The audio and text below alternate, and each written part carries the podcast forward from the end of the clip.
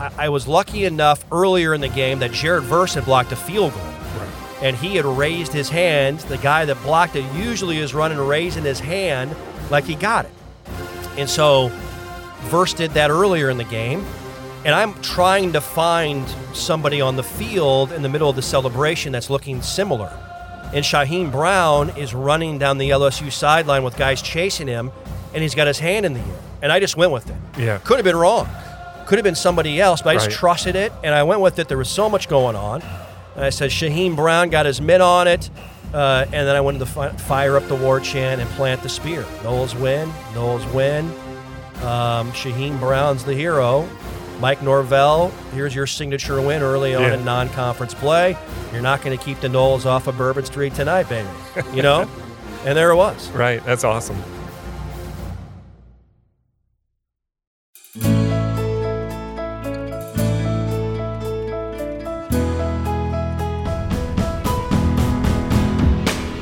From Fiore Communications, it's How I Got Here, a show of inspiring stories from Tallahassee area leaders, business owners, and neighbors.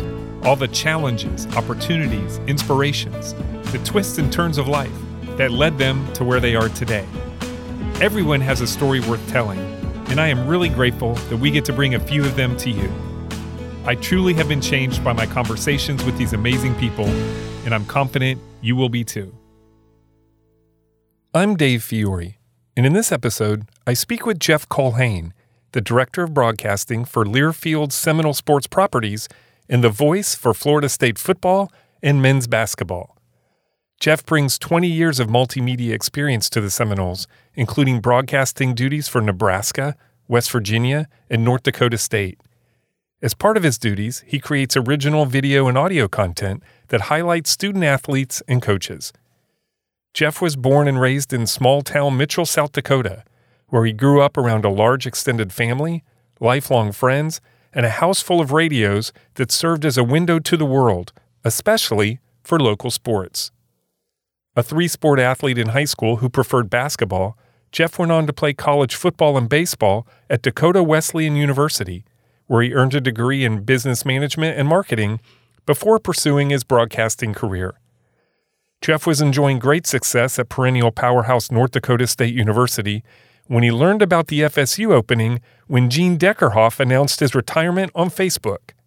He quickly used his relationships in the broadcasting world to get himself on the radar in Tallahassee. Now entering his second year as the voice of the Seminoles, Jeff is settling into Tallahassee life with his wife and his two young sons and making his own name, representing one of the most iconic brands in all of sports. All right, so you were born and raised in Mitchell, South Dakota, Big city. big city. Yeah. That's near Sioux Falls, right? It is. Hour west on I 90. Yeah, Okay. Corn Palace. So, so tell us about Mitchell. What what kind of place is that? Sure. Uh, small town living. Um, 15,000, 14, 15,000 people. Uh, I went to college in Mitchell as well. So that was where I grew up for the first 22 years of my life. And, um, you know, uh, my, my dad grew up in Mitchell. He still lives in Mitchell. He's lived there his entire life. Uh, that's where he and my mom obviously have lived since you know they were in their mid 20s. I want to say early 80s. They moved uh, to Mitchell, South Dakota. Um, you know, he he he grew up there, went to college, and then came back. So he so there were a few of the years where he wasn't there, but it's been his home forever. Um, you know, a really crazy high school basketball town, big basketball town in the state of South Dakota.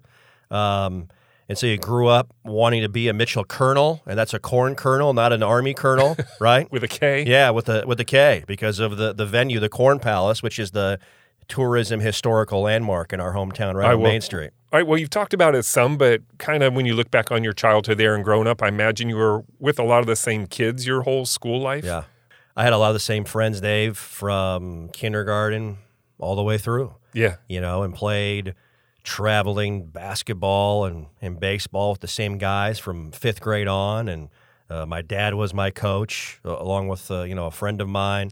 So His what was that a like? I mean, what do you what do you think about when you look back on those years and having that kind of community and the same kids and experience and all that stuff with the with your friends throughout your childhood? I think growing up in the town with the, with the kids that I grew up with, it really it really helped me turn into who I am today. To be honest, along with my dad, uh, coaching and pushing, and you know, constantly, not not constantly, but but continually wanting me to find ways to get better.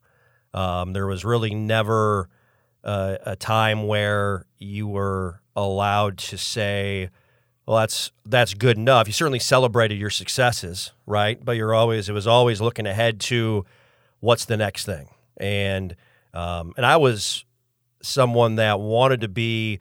I wanted to play in every professional sports league as a young boy that I could. The NBA, the NFL, Major League Baseball. I wanted to find a way. I love sports. Uh, love playing them. Love going to games. Love listening to them on the radio. Love watching TV. eh, You know, watching them on uh, on TV. And so, a huge part of my life. It was my life. You know, sports were my life, and it was a great town to to you know kind of grow up and and learn along the way through sports how you got to deal with success. You got to deal with failure. You even if you work as hard as you ever worked, it doesn't guarantee you anything Right. from a success standpoint. And so that's why I think sports are great. And uh, there are so many teaching tools in there and learning tools to help you kind of find your way. And I, I guess I would say that a lot of those experiences with, with those people helped me um, find my way and also, you know, kind of develop me into who I am now in, Right. in dealing with success and failure and continually trying to, you know, what's the next thing? How do I get better? You Right. don't you don't want to stay kind of where you're at. You want to keep moving and uh, doing the things that can can help you improve in a lot of ways. Sure. So, what were the family dynamics outside of sports with your mom and dad? Did Yeah. you have siblings? Yeah, one sister. Uh, her name's Jen. Uh, she is actually getting married in the fall. Uh, she has three kids, three great kids: Joey, Julia, Jayla. She lives in the Twin Cities. Uh, she was into sports and uh, went to went to college initially for volleyball. Was an excellent player, and um, you know the the experiences. Big families. Dad's side had. Uh, I believe he had eight siblings, nine total kids. Wow. Irish Catholic family. Grandparents were outstanding. In fact, I just got back from a family reunion uh, on Lake Michigan with uh, that side of the family. It's always a great Yeah. group. Mom's side, another big family. They lived on a eh, on a farm in a small, small town in north central South Dakota uh, named Gettysburg. Uh, there was a, a big sign when you enter town that said "Where the battle wasn't" was the name of was the slogan for the I town. it, yeah. And so you you know you had a little bit of both. You had, you had small town uh, living. You also went up and you you spent time on the farm and kind of understood those values of, of work and Sure. and respect and how you treat people and you know just had a lot. Of, you know I, I'm blessed to say I had I have you know a great family and uh, people that supported you in any way you needed it along the way growing up, which Right. is something not everybody can say. Yeah, that's awesome. All right. And your dad was also in radio, right? Yeah, so my dad, he's actually retiring. Uh, congratulations to him. Uh, looking forward to seeing him down here uh, more and more. He's retiring from his, his full time job. He's the business manager of the Mitchell School District uh, in Mitchell, South Dakota at the end of June. Um, but growing up, yeah, he did some radio. Uh, he, he enjoyed being around, you know, big sports guy himself. Uh, he, he worked in, in, uh, in radio doing the uh, analyst work for our high school basketball team. He also was a public address announcer at the Corn Palace and at football and baseball uh, with me and and growing up. And he was a public address announcer for my high school games, uh, college games, right? So Was there a big um, dramatic intro production thing? Uh, probably just the the opposite for me. You know, I, I can tell a fun story where um, we weren't playing well in a in a game, basketball game, and he was right there, and you know, he he made sure to let me know that we weren't playing well at, mid- as I crossed mid court going the other way. As he the was PA announcer? sitting right there, not over the mic. Oh, no, he just- but he was, you know, he's got a voice where it certainly travels, right? And so uh, he, he made sure to let us know that we needed to pick it up in his own way. Um, but yeah, he was, you know, one thing about my house, Dave, is that for whatever reason, uh, the radio was always on. And so every room you were in growing up, it's 7 a.m. or whatever time it is you're getting ready, radio is on in parents' bedroom, radio's on in the in the kitchen. And so I always had the radio and got to listen every day. And it just radio uh, ingrained itself in me at a young age. Um, I, I thought it was the coolest thing ever.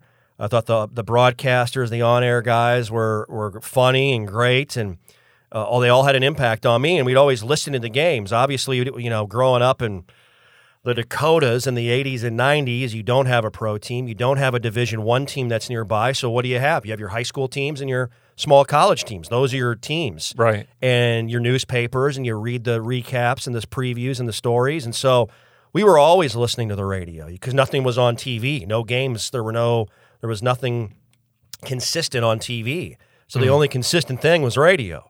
So every Friday night, we're if we're not at the game, we're listening to it uh, when the team's out of town, both both high school and college. And um, we get back in the car following a, a, basketball game, and we're listening to the post game show. We want to hear the right. post game interview with the coach before we get home, and so um, just always had an impact. And from there, that's kind of where my love in an indirect way. Obviously, when you're seven or eight years old, you don't know what you want to do with your life, but right. it just it sort of started to build in me, and even watching games uh, then football, basketball. I would watch, but I would also listen. You know, I talk about listening. I, I would listen to how broadcasters called the games, the words they use, the phrases, all those things then. Right. And it just kind of kind of came natural yeah. in a lot of ways, and um, that's kind of where my love for broadcasting started. Was at was at that young age wow. overall.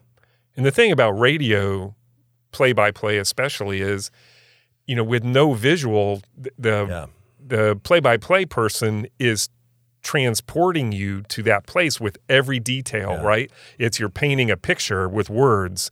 And did that kind of capture your imagination? How you just Still felt does. like you were there? Still does. Yeah. Yeah. I, I think that's the that's the, that's a big part of me challenging myself in any broadcast uh, of any event is to to to do that, like you said, to transport that person into where we're at. Uh, I always loved hearing the venues. I don't know why, but you know, when I was listening to our the high school games growing up, hey, we're here at the Rushmore Plaza Civic Center in Rapid City. And I'm thinking, God, I wonder what that, you know, that'd be cool. The Aberdeen Civic Center, you right. know, or at TF Riggs High School. And I'm just like, I, I want, like, I, for whatever reason, I felt like I wanted, I felt like I was there. And then I also wanted to know what it felt like to be there. You know, what does the yeah. venue look like? How many people are there?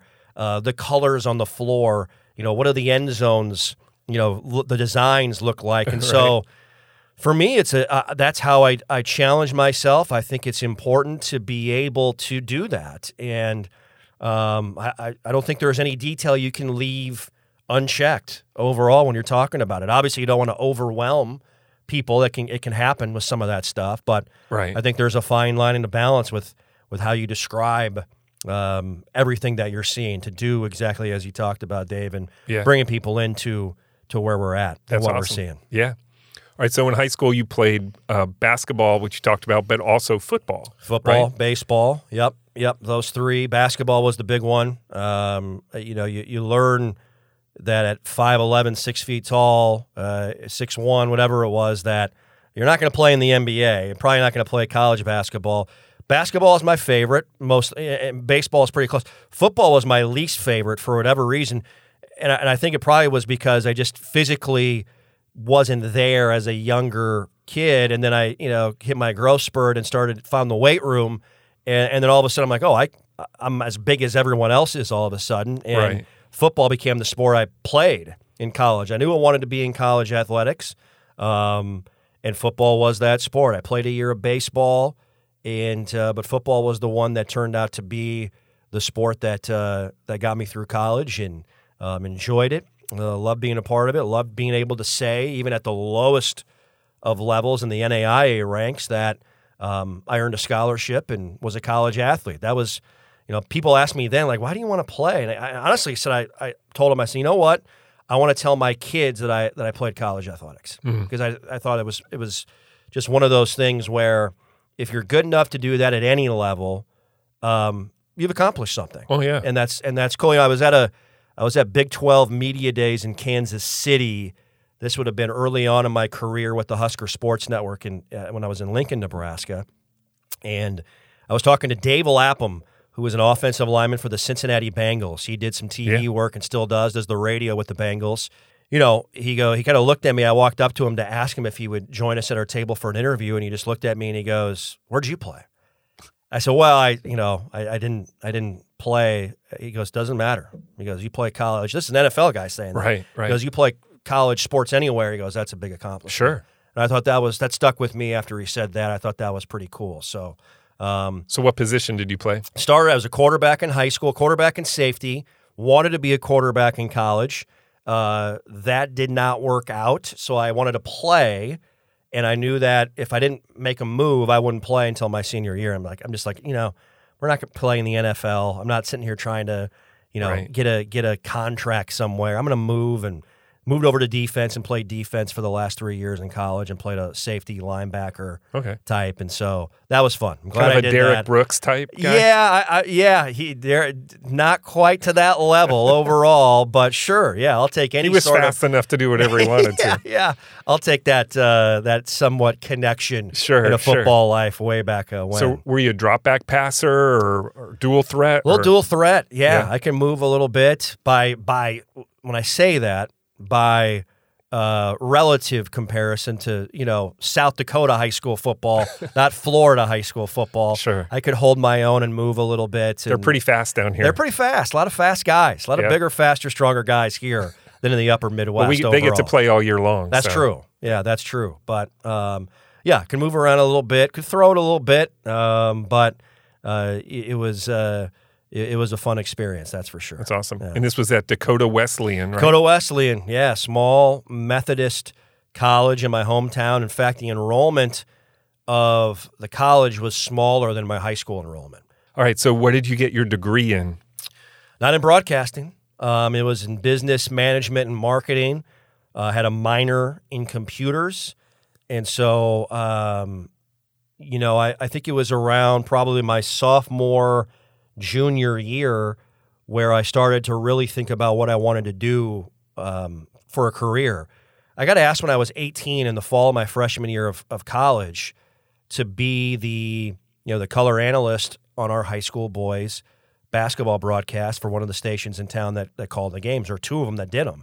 That's how Right. popular it was. It wasn't just one; it was two Wow. that did the games in a town of 14,000 people. And one of them was K O R N. K-O-R-N. How could- Corn. yes, How exactly. could I not know that? Right? We got a theme here on the pod today.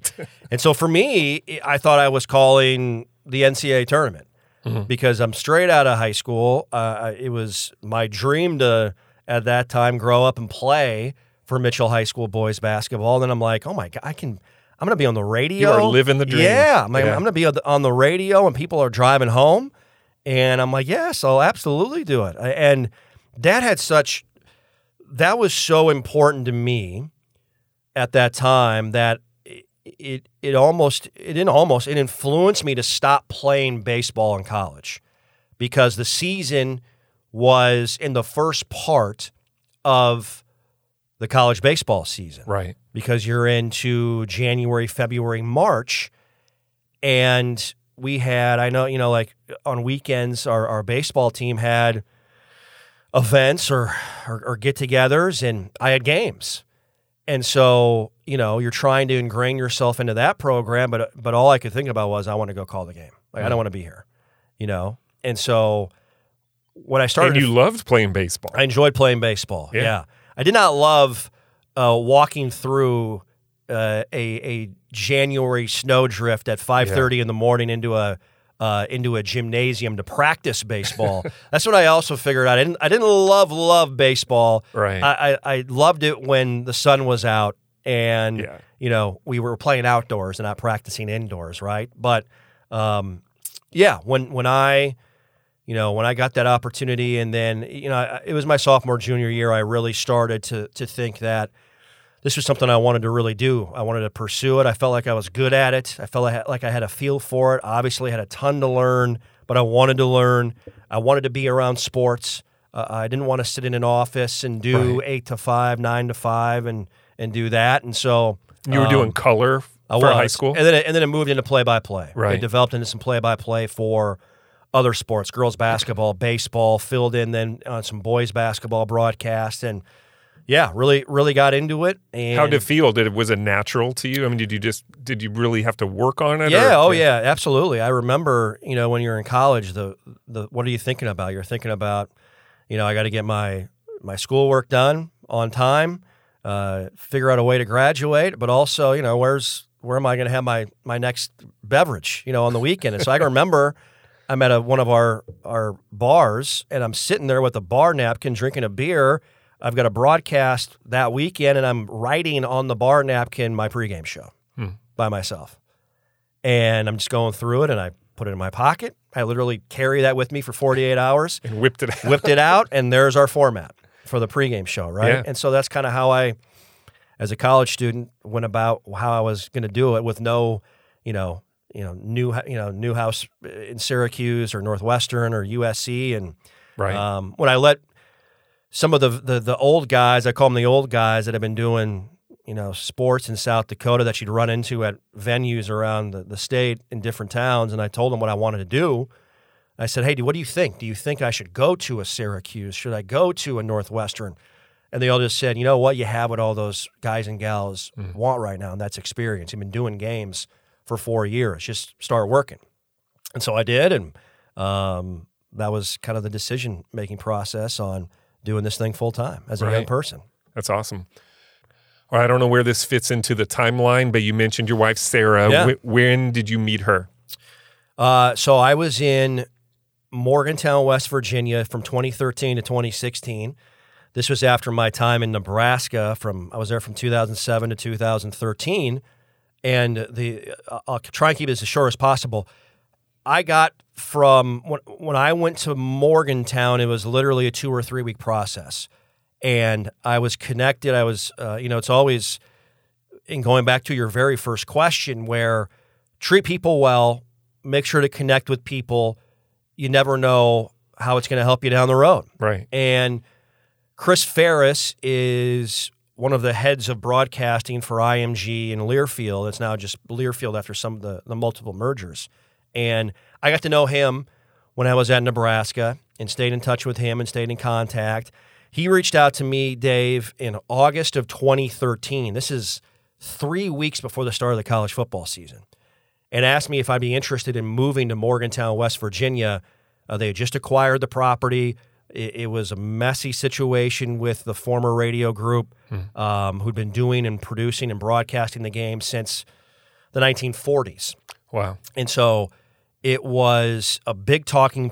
And he said, he goes, Hey, I need a guy that can get us going with broadcast, that can host, that can be versatile. He goes, I saw you. Ironically enough, it was at in Orlando in 2012 at uh, the um, Capital One Bowl at the time when Nebraska played Georgia. I hosted a, a, a radio show at BB King's in Orlando in front of four or five hundred Nebraska fans on a stage and did a three hour show with guests and you know like Yeah. we're doing it right now. And he, he saw the whole thing. He goes, I think you, I think you have what we need right now. And um, I loved Lincoln. I love Nebraska. I still have friends there to this day. Uh, still stay in contact and keep tabs on what's going on there. And but I knew that with what they what I I, where I wanted to go again and what I needed to do, I had to go to Morgantown. And it literally was middle of August with the first game on August 31st. And I had to be ready to go on the air by the end of the month at West Virginia. And so that's how I got to Morgantown Right. six weeks later, I meet my future wife in Morgantown, West Virginia. Okay. And um, How'd you meet? yeah, she uh, she's a student at the time. I 2013, so I was 30 years old. So it was 10 years ago, and um, there was there was a wine bar across the street from our offices, and we were so busy trying to get this new property going, this broadcast going, that you had no time for anything. The first month and a half or whatever it was, and I drove by this place every day. You know, I like a glass of red wine from time to time, and I said, you know what, I'm going to go in there. I'd like to go in and just see. It looks like a nice place, and um, this is a popular place in Morgantown. And for whatever reason, it was on a Thursday night after our football coaches show, and I just kind of said, "Hey guys, I'll see you later. I'm I'm going to go check this place out." went in there and there was nobody in there for whatever reason. Again, very popular place. Right. And Sarah was working. And that's where we met. And um, that's kind of how our, you know, our connection and our relationship took off. And um, So did you keep going back? Is oh that- yeah, yeah. I, I, uh, I'm no, uh, you know, uh, dating savant by any means, uh, Dave. But I, uh, for whatever reason, I, I got this one right with Right. um, how I how we talked and how we connected. And I told her, I said, you know, it was a Thursday night. I said, um, we we play at Baylor Saturday. I'm taking a couple of days off during the bye week. I said, when do you work next? And she said, I'll be here next Friday. I said, I'll be back then. And Nice. so I- That's pretty smooth. I know I'm not. I don't have that. Trust me, that's not that's not in the cards for whatever reason. Empty restaurant, so there was nobody else in No there. No pressure. No pressure, and uh, and I did.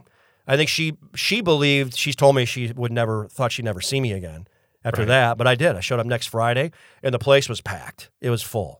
And she saw me, and I think I scared her because I, you know, probably came up Like, and she "Hey, it's see me, Yeah, remember?" yeah, exactly. right, and then it was all the, you know, smoothness washed away. But, Sure. um, that's how I met my wife, and she's obviously um, been unbelievable. And uh, you know, I'm sure we'll talk about this at some point, but was announced Monday, June 20th last summer to replace Gene. Right. And on Thursday, June 23rd, she gave birth to our son Everett. yeah, I saw that. Yeah. And so she Pretty good is- week. Oh man, should have bought a lottery ticket. and so she's been she is as good as it gets. There's no question. How is having your your two boys? How does that change? How has that changed your life, your outlook on things? You know, Oh. Yeah. just your, Um the rhythm of your life. Yeah, it's just everything, right? I mean, it's not all about you. I've I used to be a, a I wouldn't say carefree person. That's not how I would describe it. Pretty pretty relaxed, pretty laid back and um, you know, having two young kids, you start to worry about a lot more. You know, you think harder about a lot more things and Sure. decisions and um, how they are affected. Uh, you know, even just you know how they're doing at school, how they're doing at daycare, what's going on. But so yeah, it's it's really changed. I've been so career focused and driven for 20 years, and um, you know when Alexander was born, certainly you know Everett really being a huge part of you know the move here Yeah. when he when he was when he was born He will always be that part of that story, right? No matter what happens. no in the matter what happens for forever Yeah. All right. So your broadcasting career, as you've mentioned, covers time in Nebraska, West Virginia, um, and then eventually North Dakota State, calling different sports, having different responsibilities, developing all different kinds of content. So just quickly, kind of an overview of that journey and and, and you know how all those things work together. yeah it- you know it goes back to what we were talking about i i don't think i get this job this opportunity without those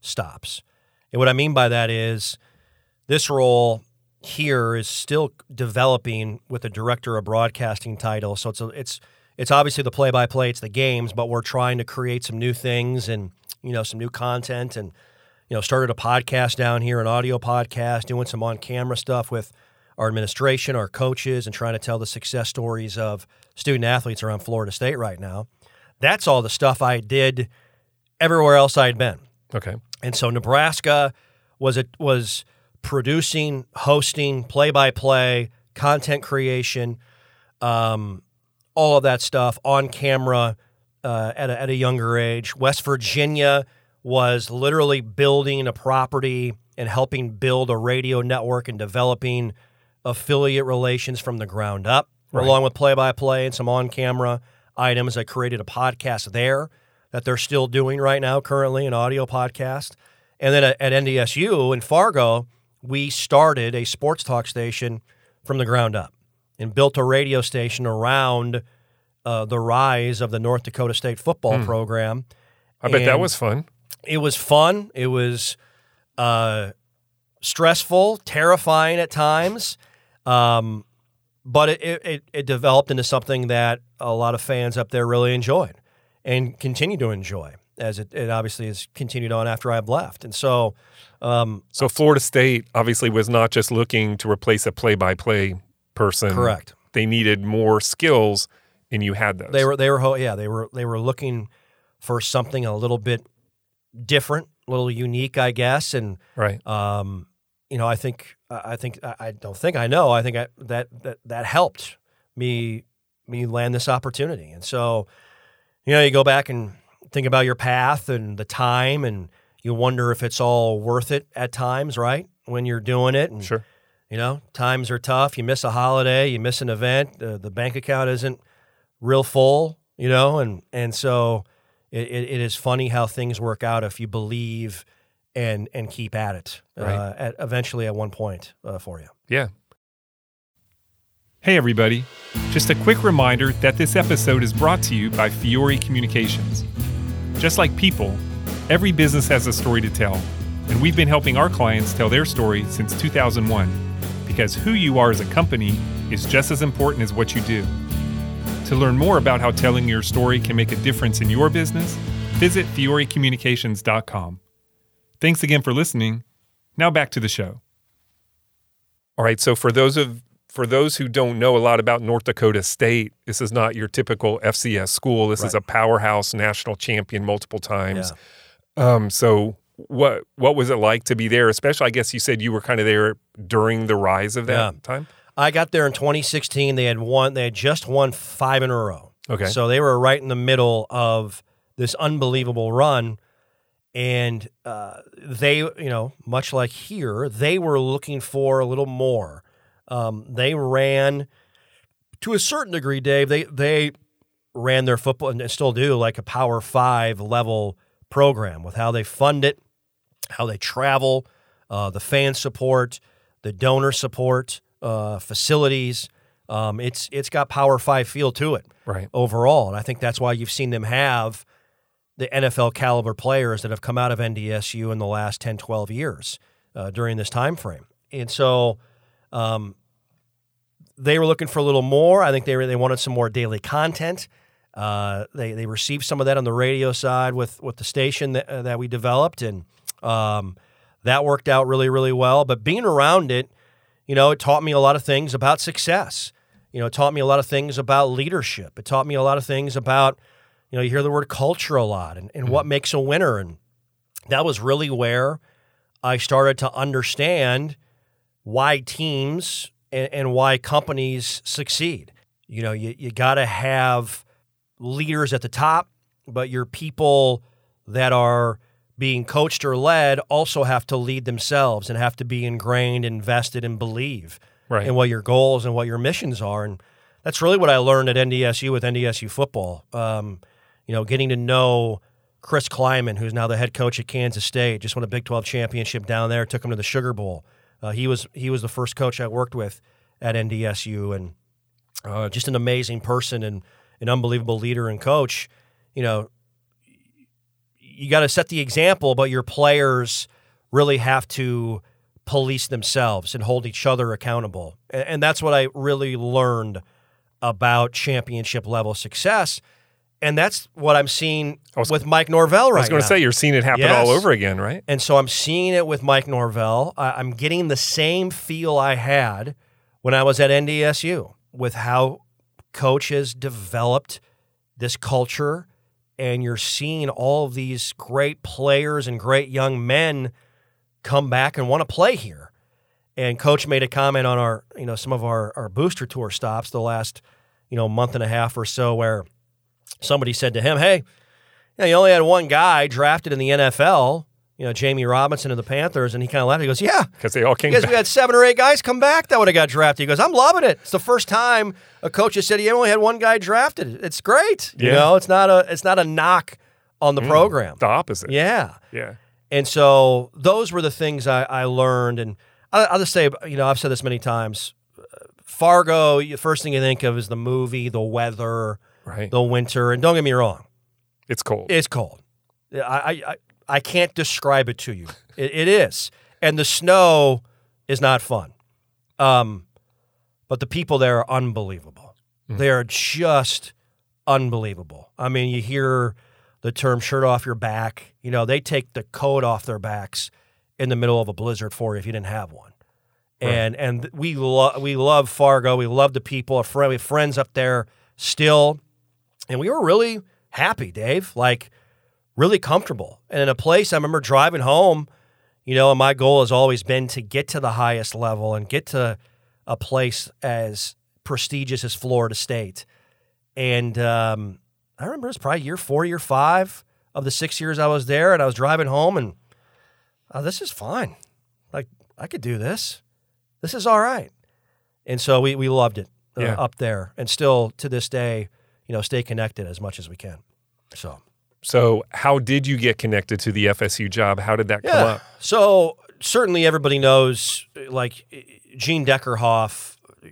You don't need to describe it any further, right? You just say Gino. Right. And um, in fact, I was mowing my lawn, cutting grass, Labor Day night, 2021, Sunday night, listening to Gene, bar none, and Tom on the the the I think the Varsity Network app, and listening to those guys call the game against Notre Dame Right. inside of uh, inside of Doak, and um, been listening to Gene for a while.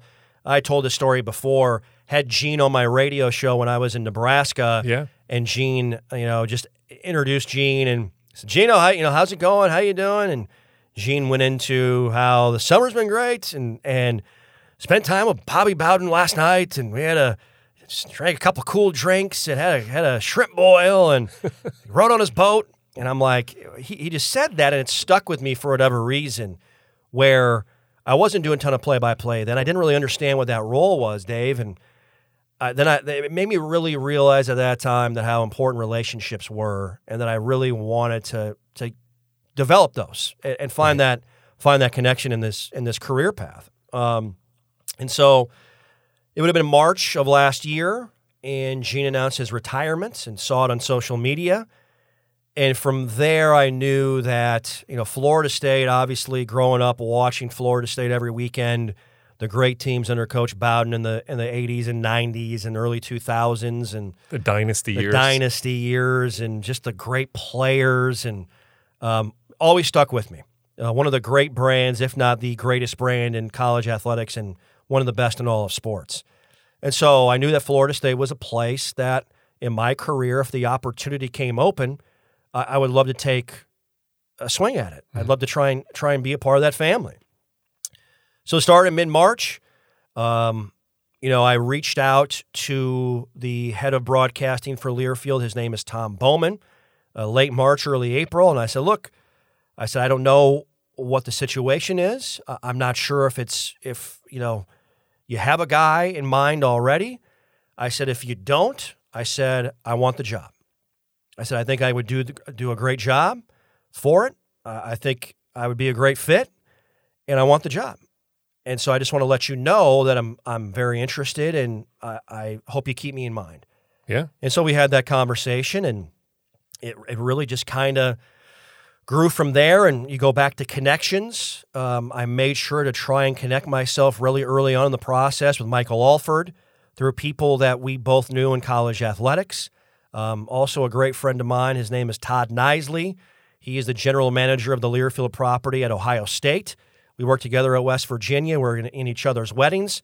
Uh, he reached out to my my GM here now, Caleb Swan, and you know, kind of, I, I just needed to get on the radar because my path, obviously coming from North Dakota State to Florida State, you had to get on the radar. You Sure. weren't well known amongst the fans or people in Tallahassee. And so that was my goal at the start. And then from there, I just felt like if I could get in the room and have a conversation, that I, I'd give myself a shot. Um, and so we had a Zoom interview with Michael and uh, and Caleb Swan and Peter Collins, the president of the Florida State Board of Trustees, and uh, Tom and, and Chris Ferris, and um, that went very very well. I was a finalist for an on-campus visit uh, in on June eighth of last year. That was a Thursday. Found out on Friday that I was the next voice of the Seminoles after that, and. Um, and as we mentioned before, I had to keep it quiet for 11 or 12 days, which was Right. probably one of the more stressful times of my life. It's like Trying- winning a reality TV show or something, right? Yes. You couldn't tell anybody. trying to trying to pass the So test. what what were those emotions? I mean, what what was going through your head when you realized that I know I know there was probably some bittersweet because Yeah. you really liked Fargo, like you said, but this really truly an opportunity of a Yeah. lifetime was before you. Right. Um, a lot of emotions. You know, Sarah was close to having Everett, right? And so that was going on. And I eh, certainly said, hey, when we first started, I said, you got to tell me if this isn't is bad timing because it obviously isn't great timing, right? And she has just been so supportive, and she she's basically this is your dream, you know, go get it, go after it. And so with her support, I went after it, and um, yeah, there were a lot of emotions. It was, um, it, it was um, it just you know moving you to to tears. I, I told a friend of mine who I couldn't. I, I- I only told told a few people, and um, you know he was emotional for me uh, about when I got it right, and and so uh, just it was it was hard because you wanted to tell the world and you couldn't do it, and you knew that this was sort of a not a test test, but if, if you let it slip, that your new employer is not going to be mm-hmm. very happy that this gets out. And so there was little of that. It was stressful. And, you know, I think there is always a little bit of, without not knowing and not being there and doing it, you know, hey, am, am I going to be able to do the, the job justice following somebody like Gene, who's been doing football for 43 years and basketball for 48? You know, that's a that's a big responsibility. And truly beloved and part of the community and you know, the whole thing. Yeah. Yes. And so uh, I had a little bit of I, I had some experience with that at NDSU when um, a, a legend at NDSU, his name Scott Miller, passed away sadly uh, due to melanoma, and that's how that that opportunity became available. And he did it for 25 years and was the voice of the rise in the Division One era at NDSU. So there was some different experiences there with that role as well. But you know, let's be honest, this is Florida State, and this is a, a whole different category overall. And so, Right. a lot of emotions, excitement, elation. Uh, certainly feeling like you've accomplished your dream, but also at the same time understanding that, all right, let's keep this quiet. I've got another child coming, so there's that going on. Now we got to move. Now we got to do all this with the newborn. Um, so there's a lot of thing going, a lot of things going through your mind around this time last June. Sure. Did you know anything about Tallahassee when you made this decision? No, not really. That was one of the questions that um, Peter Collins asked me. He just said, "What do you know about Tallahassee?" I go, "Look, I'm not going to lie to you. I don't know anything about Tallahassee. You know, I know it's a great town. It's a college town. Uh, my site visit was the first time I'd ever been to Tallahassee in my life. Um, and I said, "Look, I don't know anything, but I didn't know anything about Lincoln. I didn't know anything about Morgantown. I didn't know anything about Fargo. But what I what I've been able to do, and what I think is very important, is I've been able to connect in the community, get to know people, and and do the, the best job that I can in ingraining myself into the Florida State family and the Tallahassee family. I just spoke yesterday, Dave, at the the Northside Kiwanis Club with those great folks there at uh, uh, Presbyterian Church at six forty five in the morning. You know, Yeah. and so those th- that's important. That, that stuff's Yeah. important, right? And so um, I, I just I didn't know anything about it. Knew the people here would be would be outstanding, and they have been when they didn't need to be, which uh, which has been just a, a, a joy and a blast uh, this past year overall. And so, uh, still learning, still still understanding, but certainly loving living here in Tallahassee and getting to know the uh, the, the state of Florida and, and the, the Panhandle and. And uh, also enjoying being able to say, "Hey, you want to go to the beach today?" and drive 50 minutes down to Alligator Beach and send the boys down there and run around in the sand for a little bit. Yeah, a little different Yeah. than before. So, are you looking forward to your second season, having one under your belt? I really am. You know, I've already started um, digging in on the first game with LSU on September 3rd. Uh, 80 days as we record it from now is that first game. Um, going back to Orlando, uh, pretty unique, right? Where both teams finished their previous seasons in the same stadium on a neutral site and are going to open the next year in the same stadium Right. uh, on yeah. a neutral site with the bowl games for both Florida State Yeah. and LSU. I'm, I'm looking forward to it. Um, still going to be some firsts, obviously. You know, playing at Boston College, playing at Clemson, playing at Pitt, playing at Wake, playing at Florida. I've never been to those venues, and so still, it's it's a year of firsts in a lot of regards. And I knew, just like some of my, my other stops, there's going to be a lot of transition. There's going to be a lot of first time moments. It's going to take a few years to, I think, really, really feel comfortable. Right. Like everything is not brand new overall, but I'm I'm looking forward to all the new opportunities Yeah. as well at the same time and embracing those chances. Right. Well, speaking of not getting a chance to get comfortable, last year you started with a warm up game with Duquesne, and then you're thrust into the LSU game that had a wild and Man. unexpected finish. So, and your call Yeah. kind of became something. Yeah. So, tell me about that experience and the end of that game. I mean, that was just really nuts. Well, I'm glad that you remember that we played Duquesne because a lot of people don't. You know, I remember when I talk to people in these we had the week zero game. Yeah, right? people go, "Oh, what a what a great one for your first one." I go, "Oh yeah, but we did that." Okay, never mind. Right, right. You know, and Yeah. and of course in the Duquesne game we have a, a 90 minute weather delay. Right. Why would we not on a Saturday at 5 p.m. in Tallahassee? It's a weird right start. in August. Yeah. Right. So all, oh yeah, lightning. So all the prep work uh, got uh, got used for that first broadcast. Um, the irony, Dave, is in my first year at NDSU, I had one of those moments as well in my third game, and that was when North Dakota State beat the Iowa Hawkeyes at Kinnick Right. Stadium in 2016 with a walk-off field goal, and I had had the opportunity to have a big call. Was fortunate enough that I felt like I got it. It it went kind of viral and Right. ESPN and social media and national radio, and um, same thing for this one. You never you never know, but you just have to be ready to go, and that's that's part of kind of how I try to approach all all of these games that I do. Like you just don't know, especially in college athletics. Anything can happen.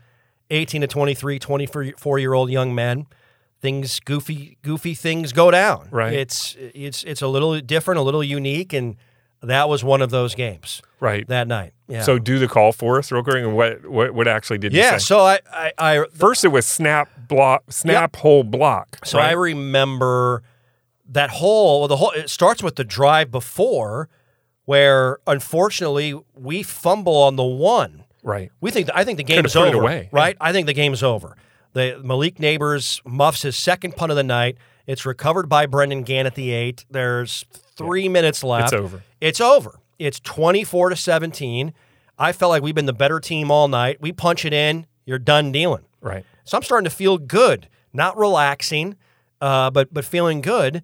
And we we fumble, and you're like, oh my, you know, my goodness, like, okay, they're at the one, and you're thinking, well, 99 yards in a minute and 40 with our defense tonight, gonna be hard. All of a sudden, Jayden Daniels goes to work, 66 yards rushing, 33 yards passing. He's pretty good. He's not bad.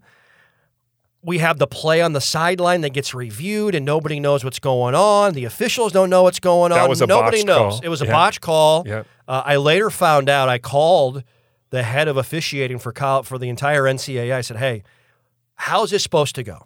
And essentially, this th- what he told me was that's a play that is actually not reviewable, and so it hmm. shouldn't have gone to review.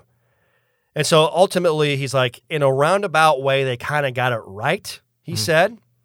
I said, all right. Anyway, so that was that was a bizarre time. They throw the touchdown pass, Jaray Jenkins back of the end zone, and so you're like, okay, are they going to go for two? Which they should have. Which now then, you- but then it's funny. I'm I'm literally watching the LSU Alabama game yesterday to to watch some LSU stuff. right. Right. And Brian Kelly did that. He Yeah. went for two in overtime. He wasn't going to kick the extra point. I, I would imagine that that experience in New Orleans led to that decision to go for two and win the game at home against Alabama, and they did. Right. Um, but he decides to kick the extra point, and in my mind, I'm just thinking, just be ready for any. Don't assume that this is just done, right? I'm thinking that, and I'm thinking it could be a bad snap, it could be a botch hold. Just be Right. ready. Be ready. And as I'm making the call, you know, you know, here, you know, 24 23, uh, here's a chance to send this to free football. Damian Ramos, who's a redshirt freshman, walk on, might be the most nervous person in the Superdome right now. Snap, spot, and Shyheim Brown comes through. It's Right. blocked, you know, blocked. Uh, Bar Nunn's loving it. He's doing his thing. Yeah, he forgets his, He's doing it. Yeah, he's, and, and that's the beauty. He's being a fan, right yeah, there, that's the which beauty. is why we love him. Yes, Yeah. exactly. It's, Yeah, yeah. it's what who William Floyd is. He's Yeah. so passionate about the Noles, and his love for Florida State is just huge. Yep. And so we're we're both you know blocked, blocked, and it's no good. And I wait for the opportunity because William is excited. And so I'm not trying to fight him mm-hmm. to get the call out. And so once he he he kind of is he pauses with his excitement, that's when I go. You know, Shyheim Brown and, and the other one, the other part to it too is I I guessed on who blocked it Okay. because how can you see That's it? a good spotter Were- tell you that. well, quick. it was, uh, and, and Andy Surratt was is a great spotter, but I, I was lucky enough earlier in the game that Jared Verse had blocked a field goal, right. And he had raised his hand. The guy that blocked it usually is running raising his hand like he got it, and so Verse did that earlier in the game. And I'm trying to find somebody on the field in the middle of the celebration that's looking similar. And Shyheim Brown is running down the LSU sideline with guys chasing him, and he's got his hand in the air. And I just went with it. Yeah. Could have been wrong. Could have been somebody else, but I just Right. trusted it and I went with it. There was so much going on. And I said, Shyheim Brown got his mitt on it. Uh, and then I went to the fi- fire up the war chant and plant the spear. Noles win. Noles win. Um, Shyheim Brown's the hero. Mike Norvell, here's your signature win early on Yeah. in non conference play. You're not going to keep the Noles off of Bourbon Street tonight, baby. You know? and there it was. Right. That's awesome. Yeah. And it's scary too when you go back and look.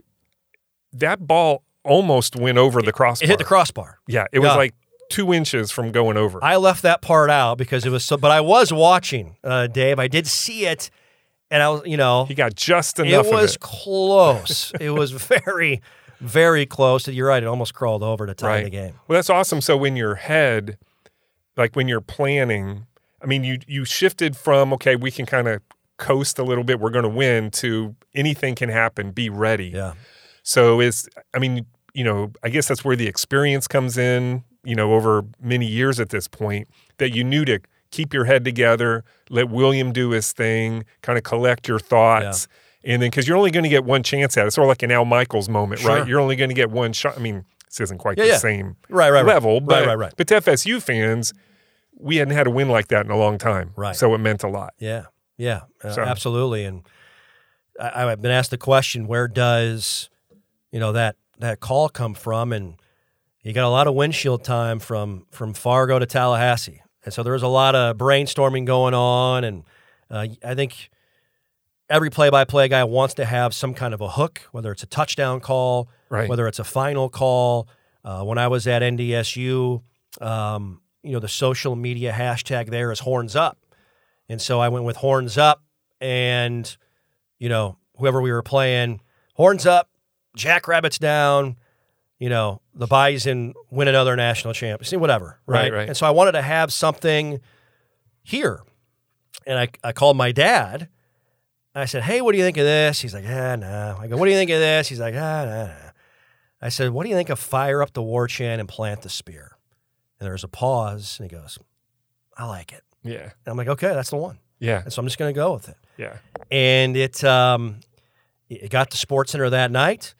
Um, SVP had it on, right? SVP had it on. Uh, national radio caught it on Monday, um, the next day, and so uh, and then social media. You know, obviously that's that's a big part. I tell people now that you know, obviously the live action is important, but the the moments like that, that's where the social media digital platforms come into play, because now that's how a lot of people are going to find those types of Oh, yeah. those types of moments is is on that platform. Yeah. And so that's why you need to be ready. You need to have a right because that's where you're going to recycle and reuse For sure. over and over. Yeah. You do not want a boom goes the dynamite moment. No, you don't. No, you don't. That's uh, that's not going to probably hit uh, as as well. All right, Jeff, looking back, what is the one thing or person that has changed or altered the trajectory of your life to this point? Uh, it's a lot of people. Uh, you take pieces of all your experiences with you wherever you're at. Obviously, you know, my parents with their support my dad with his his passion and competitive drive and support fueled me to be, you know, I, I always wanted to be great. He, he pushed me in the right direction. Um, I've had great friends in the business who have helped me grow and, and guided me along the way. Lane Grendel is Bob Uecker's right hand man on Brewers broadcast right now. He's a great friend. Greg Sharpe's the play by play voice in Nebraska. Uh, he's a great friend. Matt Davison is a, is a person who has been a friend and mentor and guiding me about how the business works.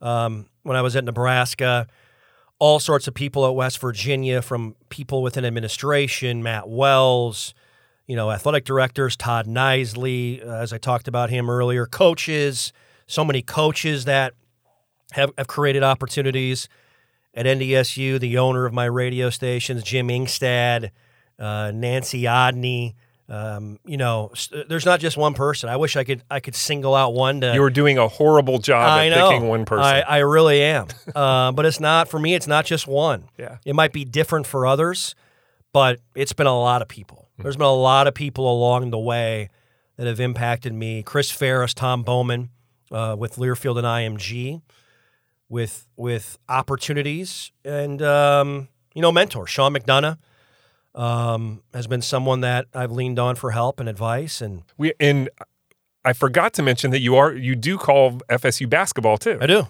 Yeah. Yeah. so kind of a. A, a kind of a rough year, some injuries Yep. and things happened this last year, but lots of optimism, bringing Yeah. in some great guys from the portal. It looks like I tell so. you what, you got uh, Coach Ham's as good yeah, as it gets. you talk about impact. I mean, you know, Mike Norvell, Leonard, Ham- Michael Alford has been very impactful Mm-hmm. um, because you know he uh, it was his decision to on who is going to replace Gene Deckerhoff. That's that's a big call, and I think Michael has showed a track record of doing a great job hiring coaches and, and people, and I'm glad that he he thought that I was worthy of this role. Yeah. And so, uh, but yeah, basketball. I love basketball.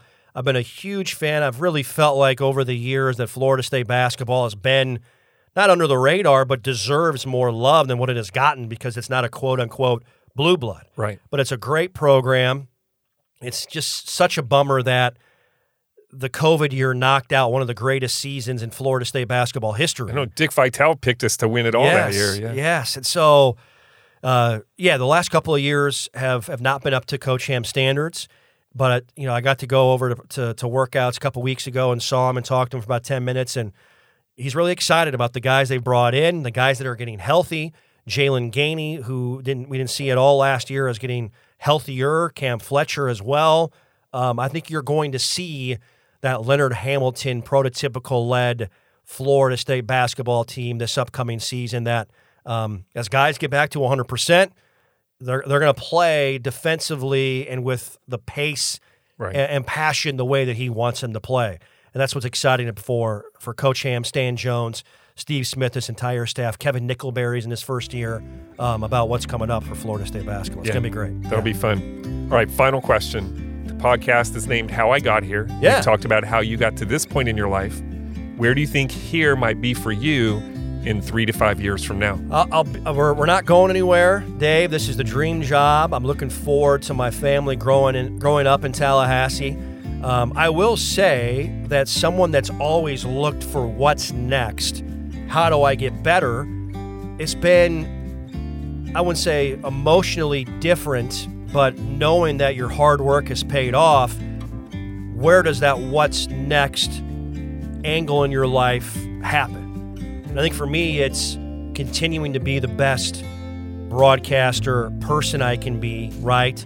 But also being the best dad, best husband. I focused so much on my career over the last 20 years that now uh, the work has paid off. It doesn't stop, certainly, but you know what's next? What's what's up in you know what's coming up in the next three to five years? Um, you know, being the best dad I can be to my two boys, being the best husband to Sarah, um, creating the best life I possibly can for all of us with with the impact that I can have. I think that's what's next for me and, and what's going on the next three to five years.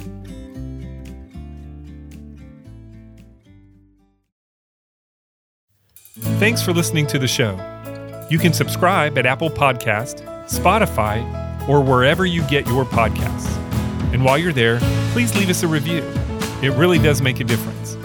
Thanks to my amazing staff at Fiore Communications who pick up the slack while I'm working on these podcasts, and to Troy Bloom for composing our theme music.